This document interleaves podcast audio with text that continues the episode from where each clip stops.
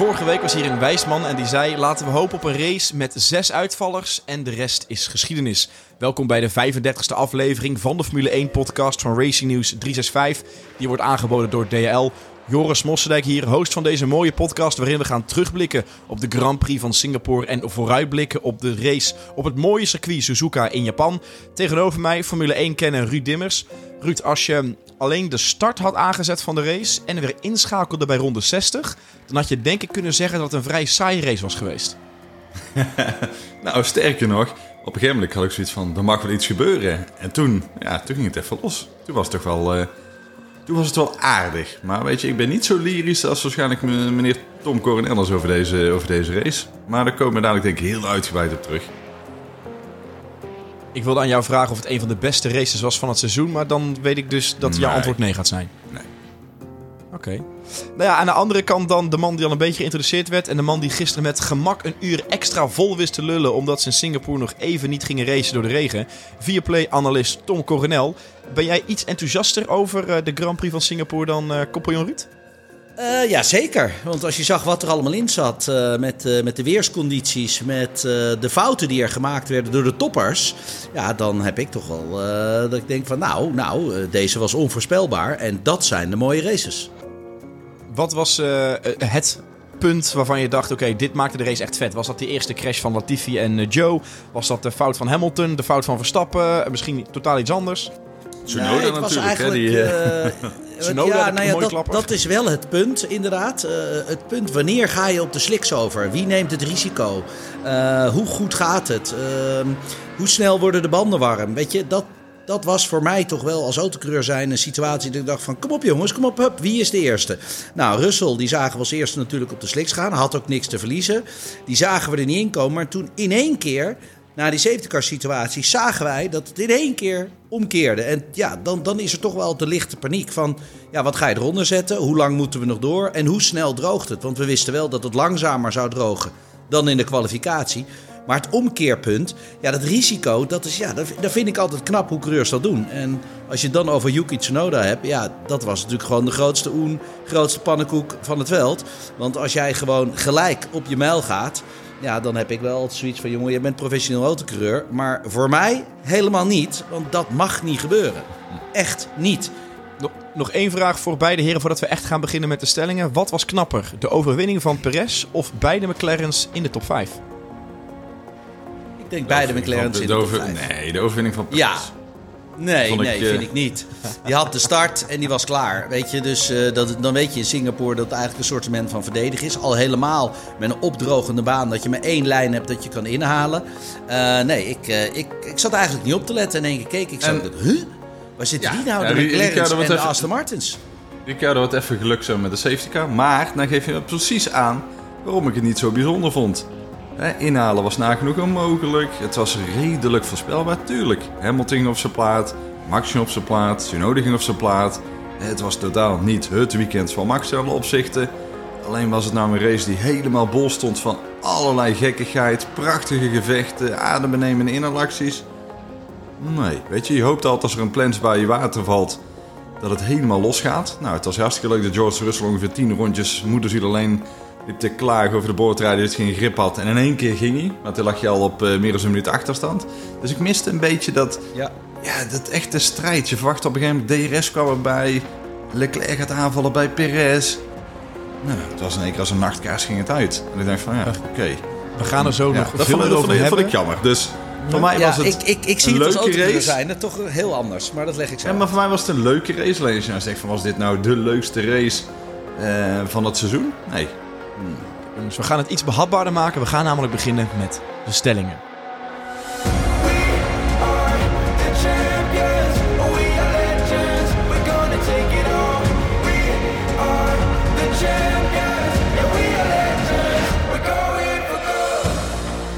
Dat Verstappen zijn kwalificatie in de soep liep, valt hem ook persoonlijk aan te rekenen. Nee, waarom? 0.0. Absoluut niet. Het is nog veel erger. Er zijn twee rondes van hem zijn, uh, zijn uh, afgebroken. Um, omdat het team het zei. Dus ronde 4 en ronde 5 moest hij van het team van het gas af. Omdat hij dan um, daarna misschien sneller had kunnen gaan. Maar ronde 4 was al goed genoeg geweest voor uh, front row. En dan uiteindelijk ronde 5, oké, dat je een calculatiefoutje maakt. Nee, ze zaten er gewoon echt gewoon compleet naast. Er was chaos dit keer aan de pitmuur tijdens uh, de kwalificatie. En dan start je als Ferrari. Ja, dan creëer je gewoon het probleem. Ja, het leek een beetje, het leek een beetje Ferrari-achtig. En dat um, eigenlijk zijn voorlaatste ronde moest je afbreken omdat hij volgens het team te dicht achter Gassi kwam. En als hij nog een vliegende ronde zou willen rijden, dan zat Gassi misschien in de weg. Ja. Alleen die voorlaatste ronde, die was al zoveel sneller. En nu heb je eigenlijk een beetje hetzelfde als wat jij had volgens mij in Monza in je kwalificatie, Tom. Ja, uiteindelijk krijg je geen enkele ronde. En dan sta je in één keer achtste. En ook niet tweede of niet derde. Maar ook die, die voorlaatste ronde van Max, die was waarschijnlijk gewoon al dik goed genoeg voor de pole. En zijn, hè, zijn vliegende ronde, hij was, nou, ik kan zeggen, 2,5 seconden sneller dan, ja, dan, dan de ronde ervoor, zeg maar. Die al goed genoeg ja, was. Ja, dat, is, dat is niet waar. Want ik, ik heb de intermediates gekeken. 28-8 was de eerste. Uh, 41-8 was geloof ik de tweede. Hij zat twee tiende op dat moment onder de tijd van uh, Leclerc. Uh, maar hij had nog een sector te gaan. En het werd natuurlijk steeds droger steeds beter. Dus ik had iets verwacht dat hij in een halve seconde de polepositie had kunnen pakken.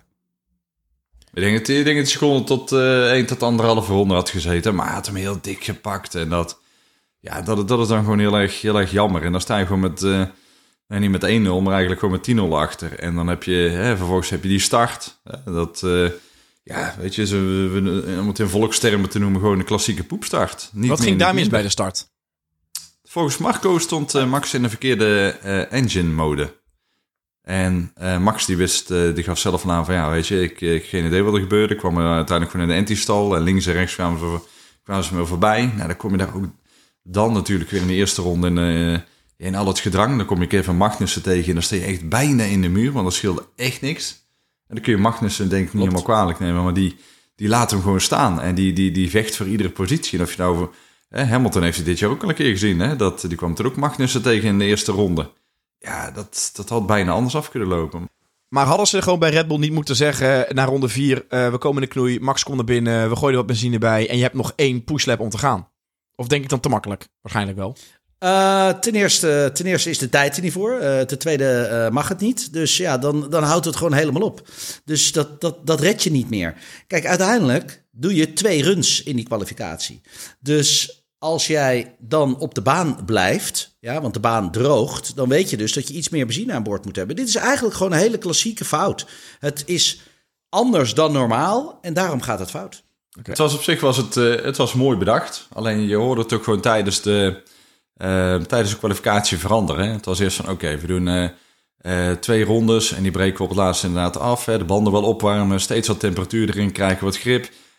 En uiteindelijk de ronde voor de laatste ronde die hij afbrak, dat had zijn ronde moeten zijn. Alleen in één keer kwam er zo van, oké Max, je hebt het zo uitgerekend. Jij kunt eigenlijk als laatste onder de vlag door, dus je hebt de beste condities. Nou, prachtig mooi uitgekiemd. Alleen als je dan geen brandstof meer aan boord hebt, ja, dan gaat het een beetje... Hmm. Alleen wat Joris al zegt, hè, van ja, eh, tijdens de kwalie binnenkomen...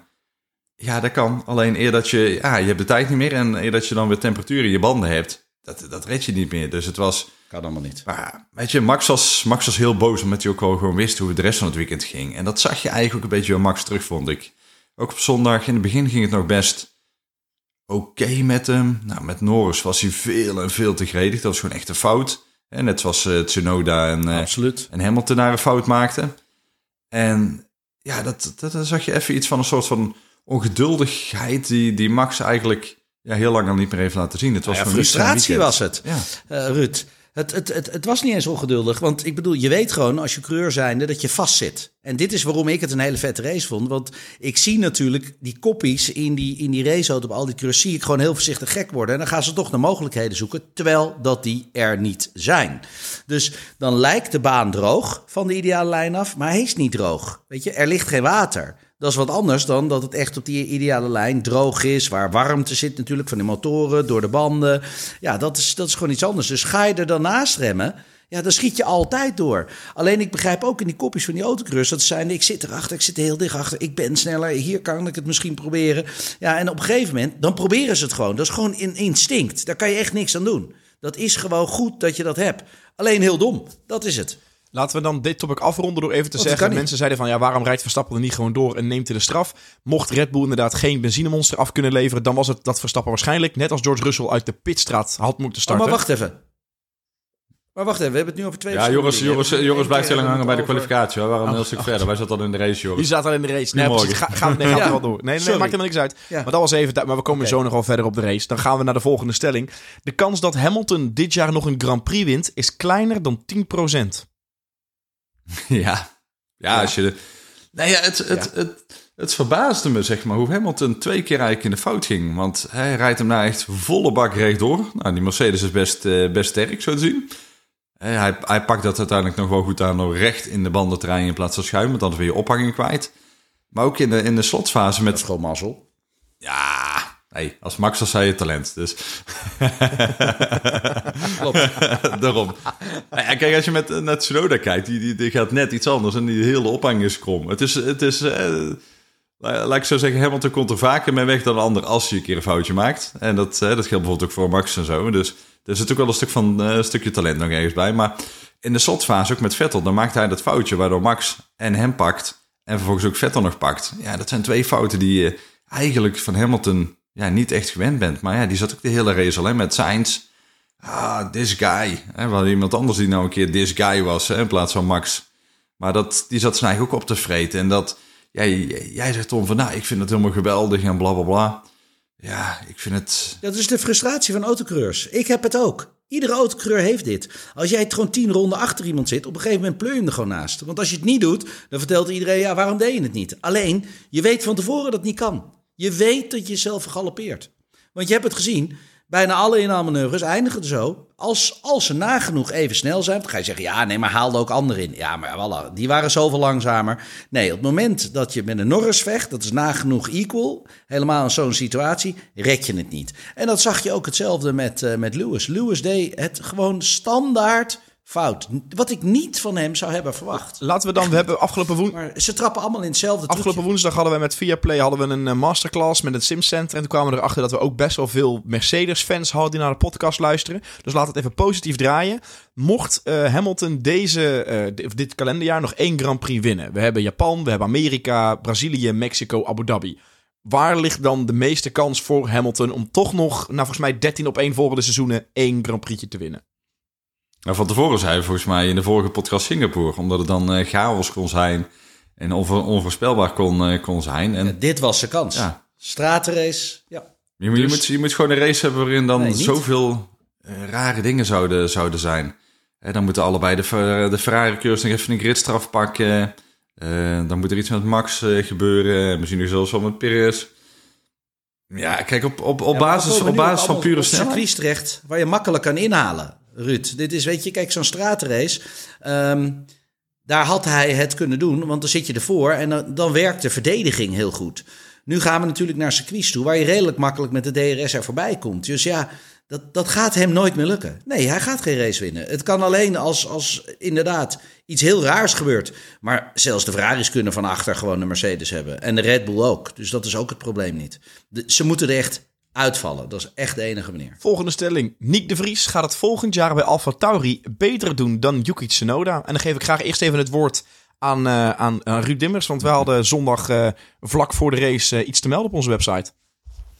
Ja, Nick gaat naar uh, Alfa Tauri. En dat, dat hebben wij van meerdere hooggeplaatste bronnen, zoals dat zo mooi heet, vernomen. En dat is niet meneer Tom Coronel, maar dat zijn echt mensen die, uh, die op een hoger niveau in de Formule 1 paddock zitten. Zeggen mensen altijd, ja wie dan? Nou, dat zul je van de week wel eens zien. Maar het is heel mooi voor Nick en het is uh, heel mooi voor de Nederlandse racerij. En waar we de vorige podcast ook al over hadden, um, denk ik dat het voor Nick gewoon een gouden kans is om zichzelf te laten zien. En als hij dat goed doet, ja, dan liggen binnen Red Bull altijd mogelijkheden. Als Nick nou het Snowden helemaal voor het snotje gaat rijden, ja, en dat is dan de grote vraag. Gaat Nick de Vries het beter doen bij Alfa Tauri dan Yuki Tsunoda? Ik uh, leg die vraag gewoon heel even bij Tom neer, die even verplaatst naar een andere locatie. Uh, was je aan het uh, zenuwpezen? nee, nee, nee. De wifi die begon een beetje te stotteren. Precies op het goede moment. maar vertel, gaat Nick de Vries het volgend jaar beter doen dan Yuki Tsunoda? Als Nick de Vries bij Alfa Tauri gaat rijden, dan, uh, dan gaat hij het zeker beter doen. Uh, en dit is natuurlijk ook de reden waarom uh, Dr. Helmut Marco met hem in gesprek is gegaan. Hij ziet natuurlijk de kwaliteiten van Nick. hij ziet de ervaring is een serieuze belangrijke factor. Als je weer zo'n jonkie neemt die uh, platte patat ervoor gaat. Ja, weet je, dat, dat is het hem niet. Dat gaat hem gewoon ook niet worden. Daar heeft hij genoeg ervaring mee. Het is niet voor niks dat hij Perez naast Max heeft zitten. Het is niet voor niks dat hij uh, op zoek is naar een, uh, een rijder op het moment dat Gasly weg zou gaan. Dus ja, weet je, dit, dit, dit is natuurlijk wel iets. Haalt hij dan een rijder uit de pool of zag hij dat zowel een Williams en een uh, Alpine met Nick in gesprek gaan. Die denkt, oh oh, uh, straks uh, loop, ik, loop ik hem mis. Dus ik ga er ook mee in gesprek. Dus ik, ik begrijp dat hij, dat hij hoog op de prioriteitenlijstje staat van, van Helmut maar Marko. Tom, rijdt hij Tsunoda snot, ja of nee? Dat was de vraag. Ja, 100%, heb ik al gezegd. 100%. 100%. Okay. Want er zit gewoon ervaring in, er zit slimmigheid in. En dit is ook de reden waarom ik denk dat hij in gesprek is met Nick. Check. Nou, wil, je nog, wil je nog ergens dan percentage aan hangen? Want je zit er nog allemaal omheen te draaien. Ik, ik hoef geen uh... percentage ergens aan hangen. Als ik dokter Helmut Marco en Frans Doos zou zijn geweest... zou ik voor niks zijn gegaan. Zo goed? Ik vind het... We gaan, we gaan het... Uh, kijk, deze podcast komt maandag online. We gaan het in de, in de komende dagen gaan we het zien. Voor het Grand Prix weekend uh, begint, dan uh, zal er wel ergens confetti kanon afgaan. en dan is er ook zo donderdagochtend uh, in Osaka. Dus ik ben uh, donderdag rond uh, eh, 12 uur op het circuit. Nou, dan kan, het, dan kan het pas gebeuren, hè, als de nieuwe voorzitter van de fanclub er ook bij is. Dus we het niet eerder zijn, Tom, dat het in het vliegtuig. jongens, we, we, dwalen te veel af. Even, we hebben nog wat serieus te behandelen, want de perfecte straf voor Red Bull en Aston Martin voor het overschrijden van de budgetcap is puntje, puntje, puntje, puntje. Ligt er eerst eens aan of de budgetcap overschreden is. ja, dat is natuurlijk, het moet eerst nog beslist worden. Ik bedoel, het zijn geruchten. Uh, waar rook is, is vuur. Dat is meestal wel. Maar het is ook aan hoe lees je het, hoe ga je ermee om. Weet je, het is weer iets nieuws. En dan gaan mensen weer naar elkaar wijzen voordat er überhaupt een uitspraak is.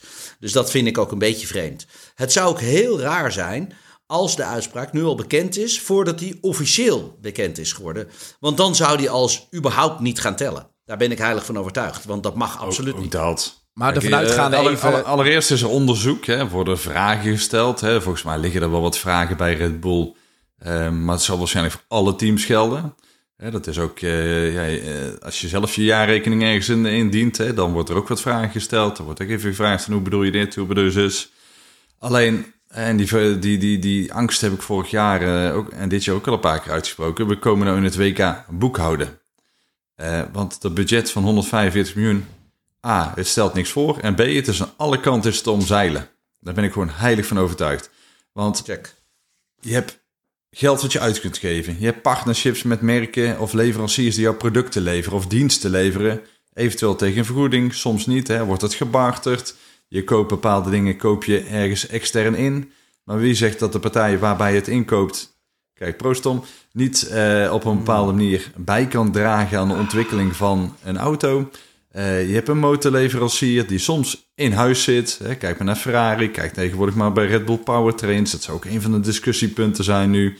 Dan heb je nog een zusterteam met Alfa Tauri, die ook weer bepaalde listed items koopt. ingewikkelde boekhoudtechnische materie. Dat is wat het is. Kijk, ik begrijp dat er ergens een, een bandbreedte zit, weet je wel, waar er een stop op moet. Dus we gaan niet meer richting die 500 miljoen wat ze vroeger dan hadden. Um, dus die, die, die begrijp ik. Dat is heel goed, zodat je Formule 1 een beetje in de hand weet te houden. Maar dit kan je helemaal niet 100% controleren. Dat is een onmogelijke zaak. Het is echt, het is onmogelijk en je zult altijd, het team wat niet wereldkampioen wordt, zal altijd een bepaalde verdenking hebben ten opzichte van het andere team. Hey. We zeggen voor de mensen die denken, wat is er aan de hand? Maar uh, Ruud, even Tom, dit is je, je, je, dochter die even in beeld komt. Die heeft ja, de prijs gewonnen. Dus toch niet afgelopen... mijn nieuwe vriendin. Zeker weten. Zij, je dochter die heeft even een prijs gewonnen afgelopen weekend. Ja. In tegenstelling tot jij. Ja, oh, dankjewel, dankjewel. Uh, mooie schop tegen de ballen.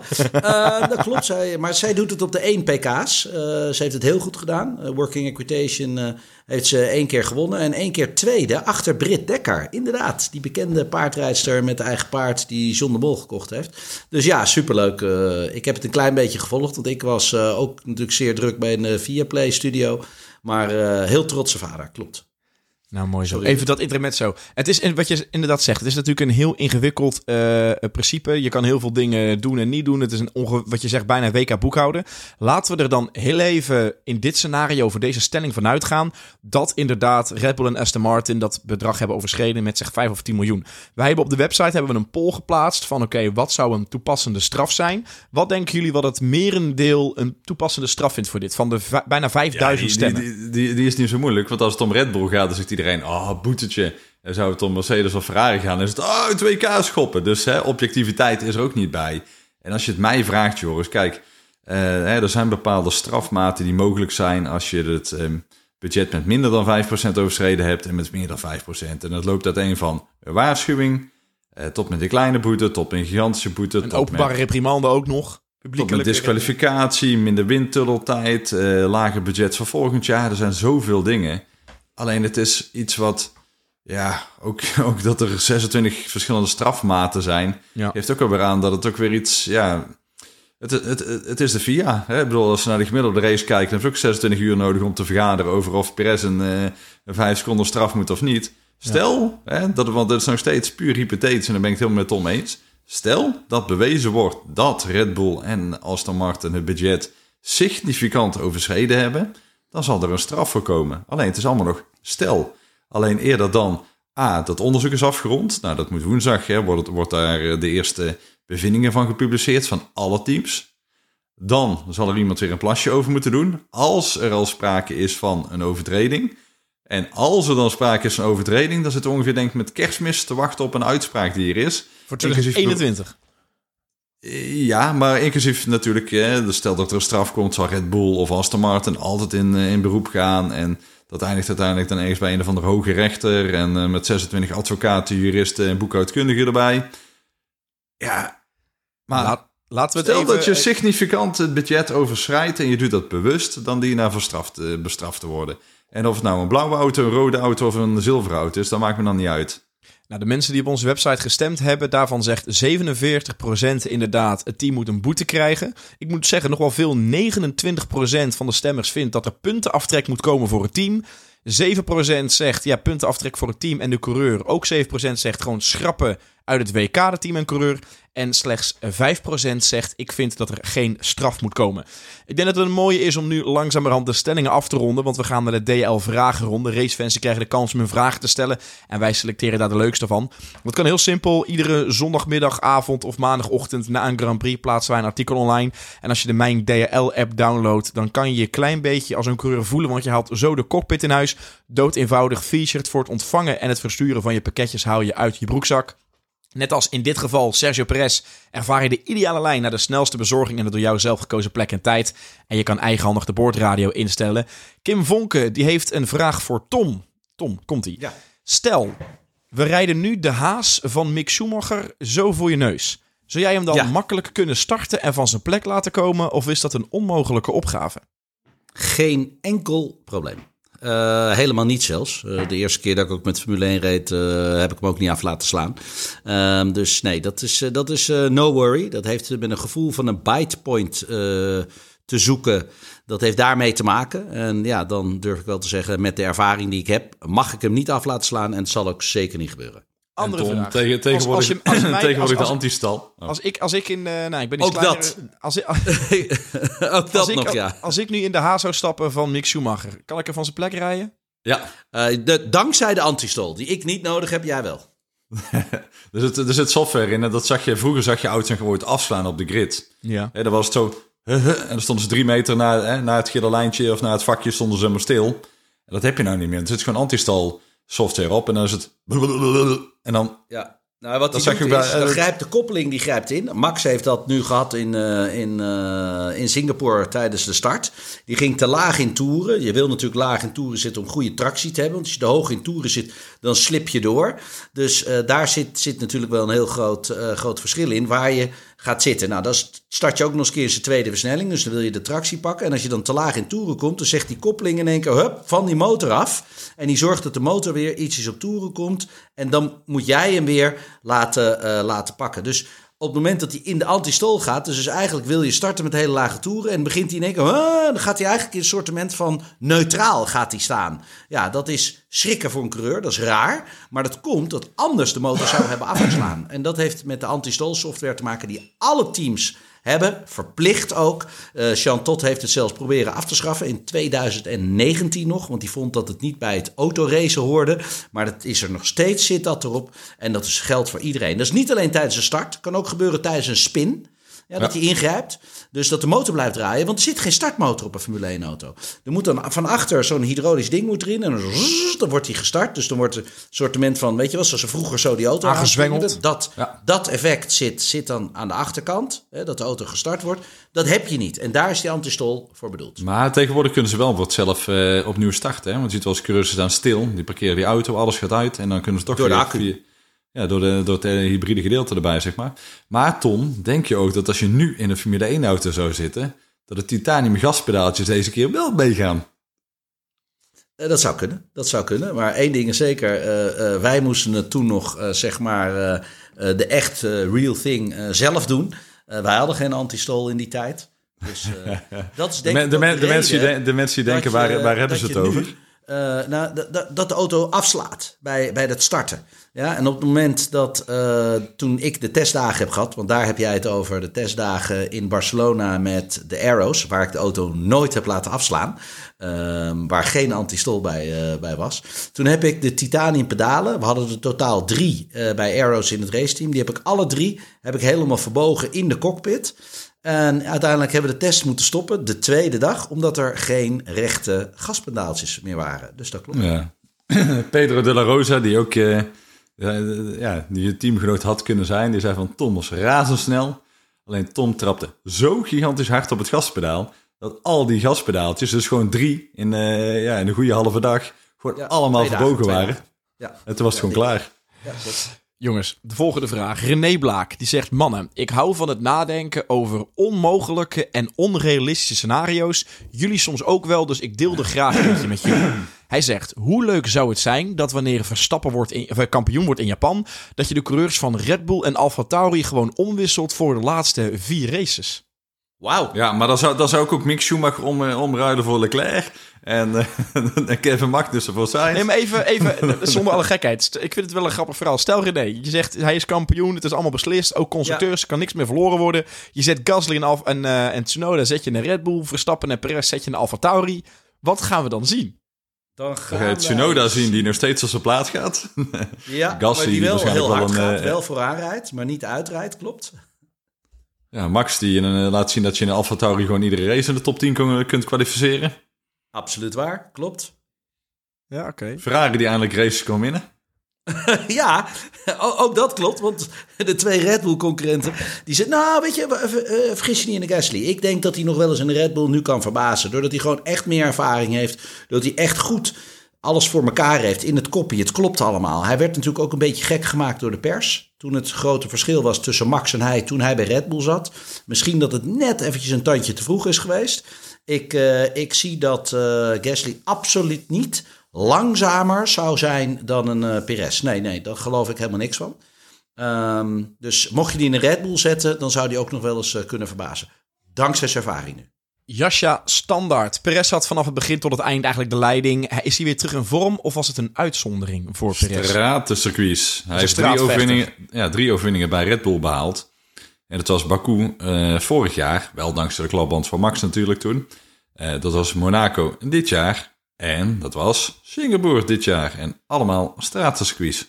Dus die staat bij de volgende race. ook super hard. Klopt. Ja, bij de volgende race is het... Uh, kijk, hij hij had een super kwalificatie. Alleen nog steeds doordat Max het probleem had. Als Max vooraan had gestart, dan had niemand Max meer teruggezien. Dat geloof ik echt. Dat, dit zijn de omstandigheden van Verstappen gewoon. Hè? En als je dan ook als eerste rijdt, geen last van de spray hebt, het tempo mag bepalen, de keuzes mag maken. Ja, alles, alles, alles, hè, zou Tom altijd zeggen. Als mijn tante spaken had gehad, dan was het mijn fiets geweest. Nee, Wij gaan... nee, Als mijn tante Piemel had gehad, was het mijn oom geweest. Maar eh, nee, uh, Ruud, dat is 100% waar. Dit is ook waarom Max zo gefrustreerd was. Want je zag het gewoon. Je zag het gewoon aan zijn ogen. Je zag het gewoon aan zijn houding. Je zag het aan zijn rijstijl. Dat daar gewoon een bepaalde boosheid was.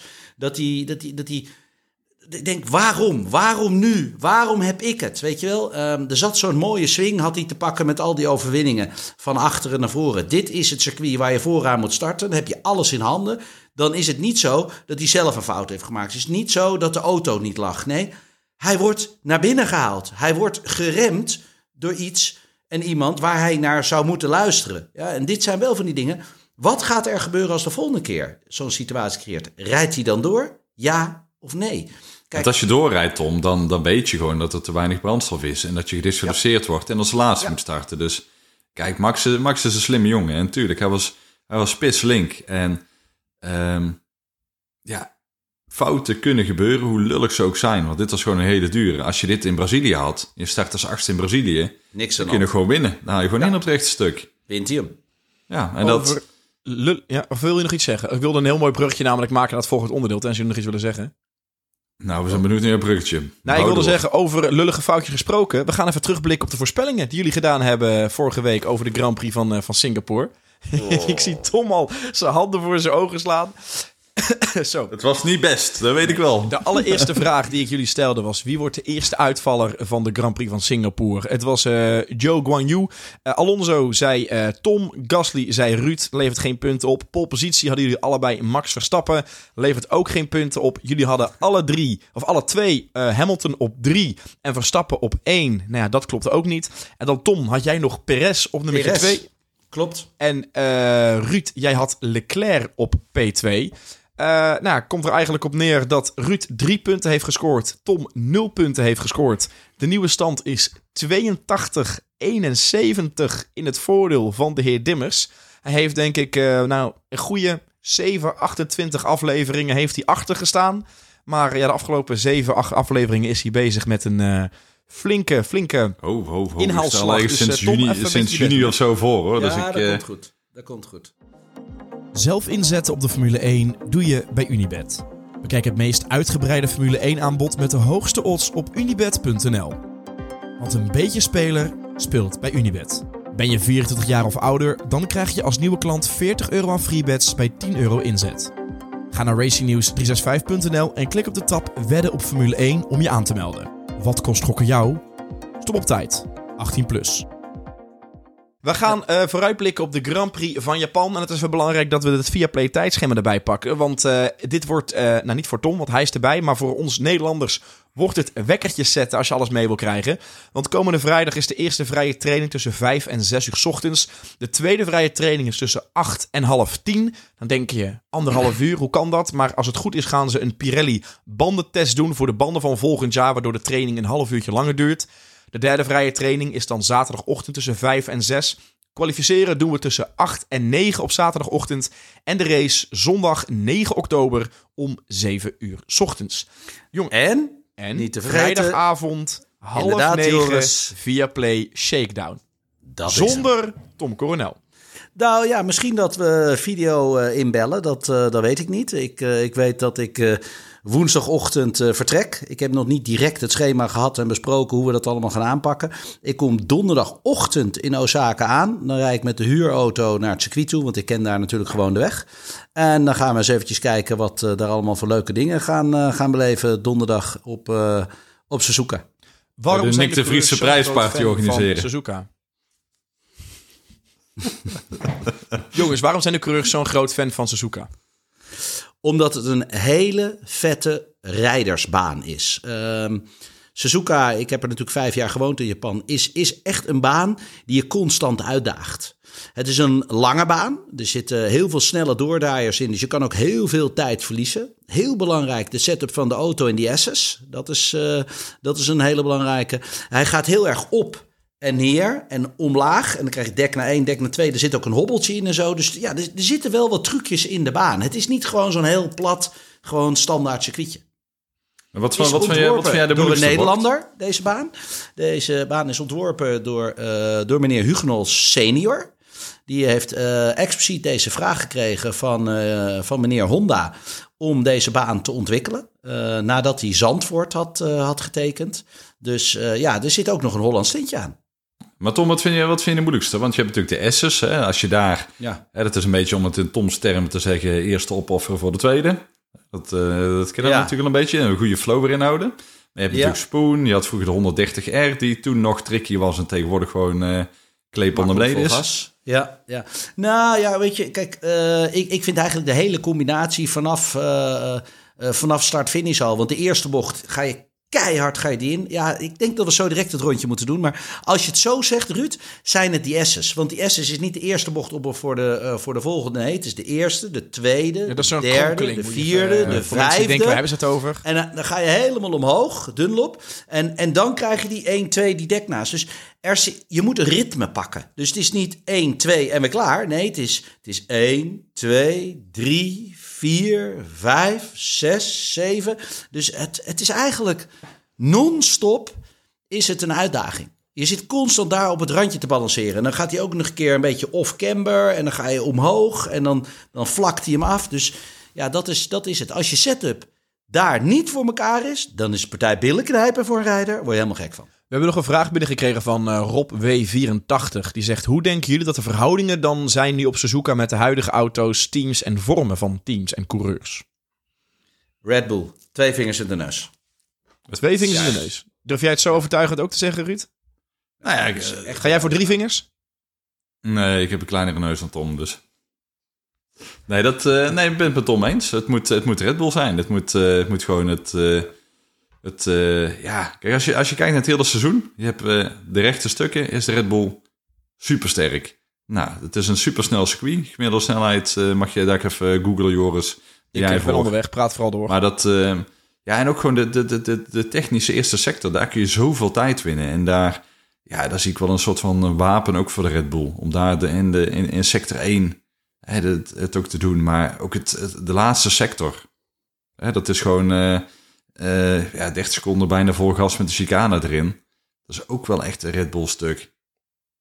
Ik zie hier in ieder geval het baanrecord staat op 1 minuut 30 van Lewis Hamilton in 2019. Ja, en het uh, circuit is uh, 5800 uh, meter lang. Dus dan zou je even snel kunnen berekenen hoe, hoe snel... Maar jij dat eventjes 220 km per uur of zo?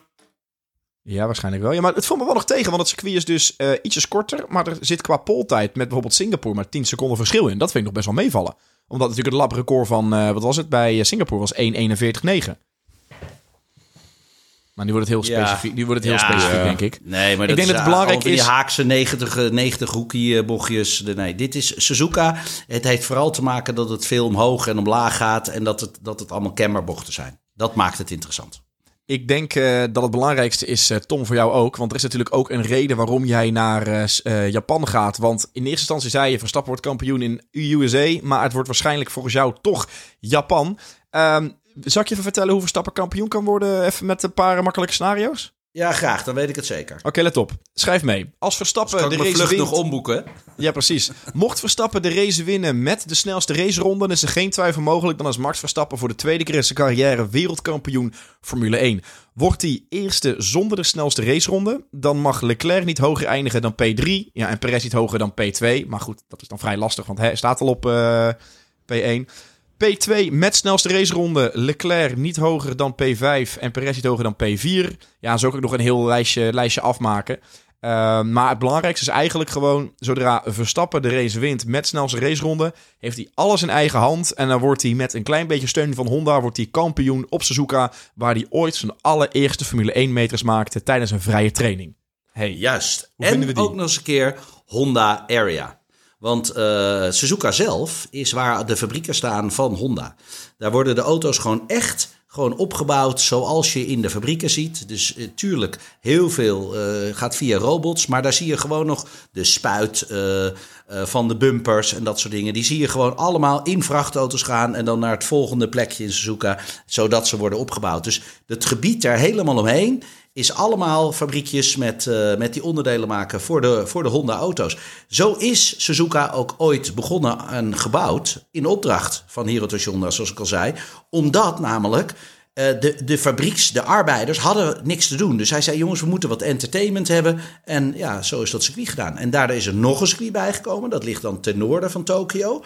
Dat is uh, Motegi. net bij, onder Sendai zit dat. En Motegi, dat is eigenlijk het nieuwe circuit van Honda wat ze gebouwd hebben. Samen met de Oval voor de IndyCar races. Maar die Oval, daar, daar zitten allemaal scheuren in het beton. Dus ja, die hebben ze niet meer gebruikt. En nu gebruiken ze dan nog wel het circuit. En daar staat dan ook het Honda Museum. Met alle mooie uh, ja, historische raceauto's, motoren, boten, dat soort dingen. Tom, de allereerste Grand Prix van Japan was 1987. Er worden 53 rondes gereden. De raceafstand is 307 kilometer en 471 meter. En het circuitlengte is 5 kilometer en 807 meter. Neem ons eens even mee over één rondje op Suzuka. Suzuka, heel, heel, heel speciaal. Uh, helemaal met het grote reuzenrad wat in het midden staat, uh, net voor start-finish. Uh, grote tribunes, veel publiek, de helft vrouwen, de helft mannen. het is daar serieus populair, dus we gaan daar gekke dingen zien. Daar gaan we ook nog zeker over hebben volgende week. Suzuka, Start-finish gaat naar beneden. Heel stijl zelfs naar beneden. Dat is niet te zien, maar het gaat echt omlaag. Dan komen we bij de eerste bocht aan. Dan kan je veel harder in dan je denkt. Kan je zelfs buitenom inhalen, omdat hij in een kom ligt. Komen we bocht tussen bocht 1 en bocht 2 aan. Dan moet je aanremmen voor de tweede bocht. Goed aan de binnenkant komen. Is ook een kemmerbocht, maar die vlakt dan in één keer af. Dus bij het uitkomen heb je daar altijd zo'n twisty. Dan komen we aan waar de coureurs hun adem moeten inhouden. Dat is die S's. Nou, je ziet het al, de Big Smile komt er al op. Dus de eerste linker, daar gaan we er heel hard in. En dan moet je de flow pakken, huppatee, naar de rechter toe. Die rechter die valt naar beneden in een dip. Heel, helemaal omlaag. Dan gaan we weer heel stijl omhoog. En dan kijk ik als kleur helemaal naar boven toe. En die gaat ook helemaal omhoog. Dat is de dubbelbocht. Komen we dus een dubbele knik. Komen we aan met dekna. Er zit net even een hobbeltje. Dus zal je ook die. Tuk, tuk, tuk, dus zie je ze net even bewegen. Gaan we dekna 1. Dan ga je keihard in. Maar echt kei en keihard. En dan heel hard remmen voor dek naar 2. Dan komen we bij het circuit waar het kruispunt zit. Want dan gaan we namelijk onder het tunneltje door, waar uh, via de andere kant uh, na 130R en het rechte stuk achter zit. Dus daar kruis je de baan. Dan uh, zit er een hele lichte rechter knik in. Dat is precies het moment dat je moet aanremmen voor de herpin. Een redelijk brede herpin. Daar zou je mensen heel goed kunnen uitremmen. En dat hebben we ook al heel vaak gezien. Dan de herpin draait natuurlijk 180 graden om. Gaan we hele flauwe bocht naar rechts. Die valt ook weer ietsjes naar beneden en die komt dan omhoog. En dan krijgen we spoon 1 en spoon 2. Spoon 1 kan je heel hard in laten vallen. En dan spoon 2 moet je ook weer heel voorzichtig aanremmen. Want die valt helemaal weer naar beneden. En heel diep zelfs naar beneden. Iets over de curb zoals bij het uitkomen. En dan krijgen we het lange rechte stuk. Die gaat dus naar beneden, naar beneden. En dan begint hij in één keer de helft van het rechte stuk gaat hij weer omhoog. En dan vlakt hij hem af. En dan krijgen we de Big Balls Corner. Vroeger 130R, 130R. Dat heeft met de radius te maken van 130 graden, inderdaad. En vroeger was hij dan alleen in de kwalificatie net vol gas. Ik heb hem altijd gedaan met de Formule Nippon auto. Vol gas in de kwalificatie, maar in de race, forget it. Met meer benzine aan boord. Hard aanremmen. Chicaan, die gaat weer naar beneden. Die is heel erg tight. Heel erg scherp rechts. Heel scherp links hebben we daar ook de ingangen van de pitstraat. En dan gaat hij naar beneden en dan hebben we een flauwe rechter. En dan heb ik hier een rondje meegenomen op een van de serieus geilste rijdersbanen. Samen met Spa, die ter wereld er is. Suzuka is echt vette shit. Welke staan nog meer in je top 3 dan? Spa, Suzuka en ik heb ook heel even vaak over Macau. Macau, ja, Macau. Ja, ja, straten, stratencircuit. Uh, een beetje Monaco, maar dan twee keer zo snel. Klopt.